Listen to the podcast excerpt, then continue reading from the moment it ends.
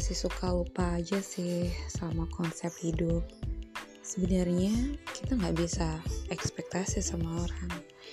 Karena ketika ekspektasi kita tidak terjadi, kita malah menyalahkan orang lain.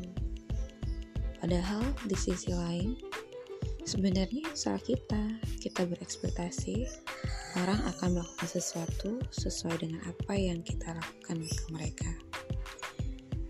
Jadi harus selalu diingat kalau misalnya ngerasa apa sih orang tuh nggak baik kayak ke kita? Tapi rasanya kita udah baik ke mereka. Nah itu salah kalian. Ekspektasi kalian yang salah. Mungkin kalian terlalu berharap orang lain akan sama dengan kalian padahal di kenyataan hidup tidak seperti itu.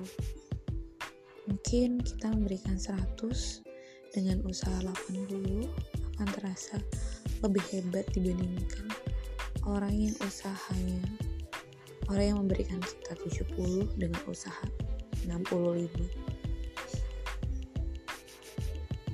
That's mean every everybody have their own capability and ability but we forgot this. Kita selalu mikir kalau kita ngasih 100 kita akan 100 Padahal mungkin usaha kita lebih kecil ya pada orang yang berikan kita 50. So that semangat.